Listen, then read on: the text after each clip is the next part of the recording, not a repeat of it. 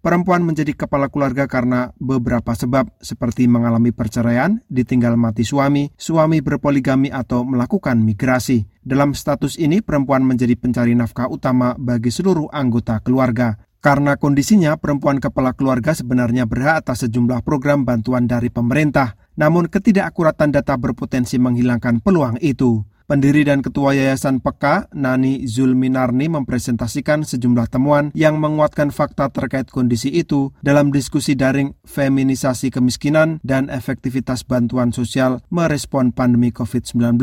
Diskusi Senin 24 Agustus ini diselenggarakan Yayasan Peka, program Mampu, Kompak, Women Voice and Leadership dengan dukungan sejumlah pihak ada kondisi yang sangat spesifik yang dihadapin oleh perempuan kepala keluarga yang menyebabkan mereka tereksklusi secara struktural gitu di dalam sistem-sistem untuk bantuan dan akses sumber daya. Mengambil data survei antar sensus atau SUPAS 2015, Nani mengutip jumlah penduduk Indonesia mencapai 269,6 juta jiwa pada 2020.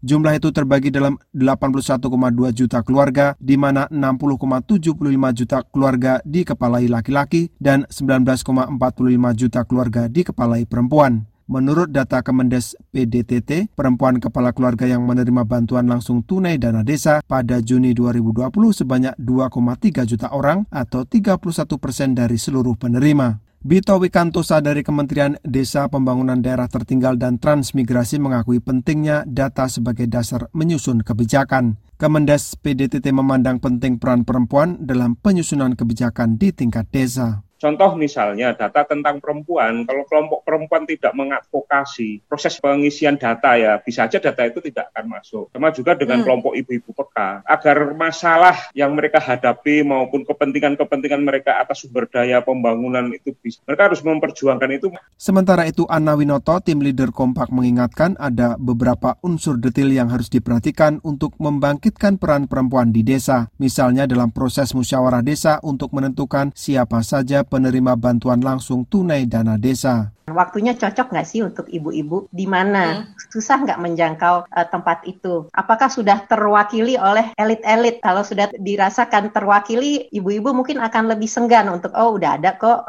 ibu-ibu pejabat hmm. di situ, kita nggak hmm. perlu hadir. Nur Hadi melaporkan untuk VOA Washington.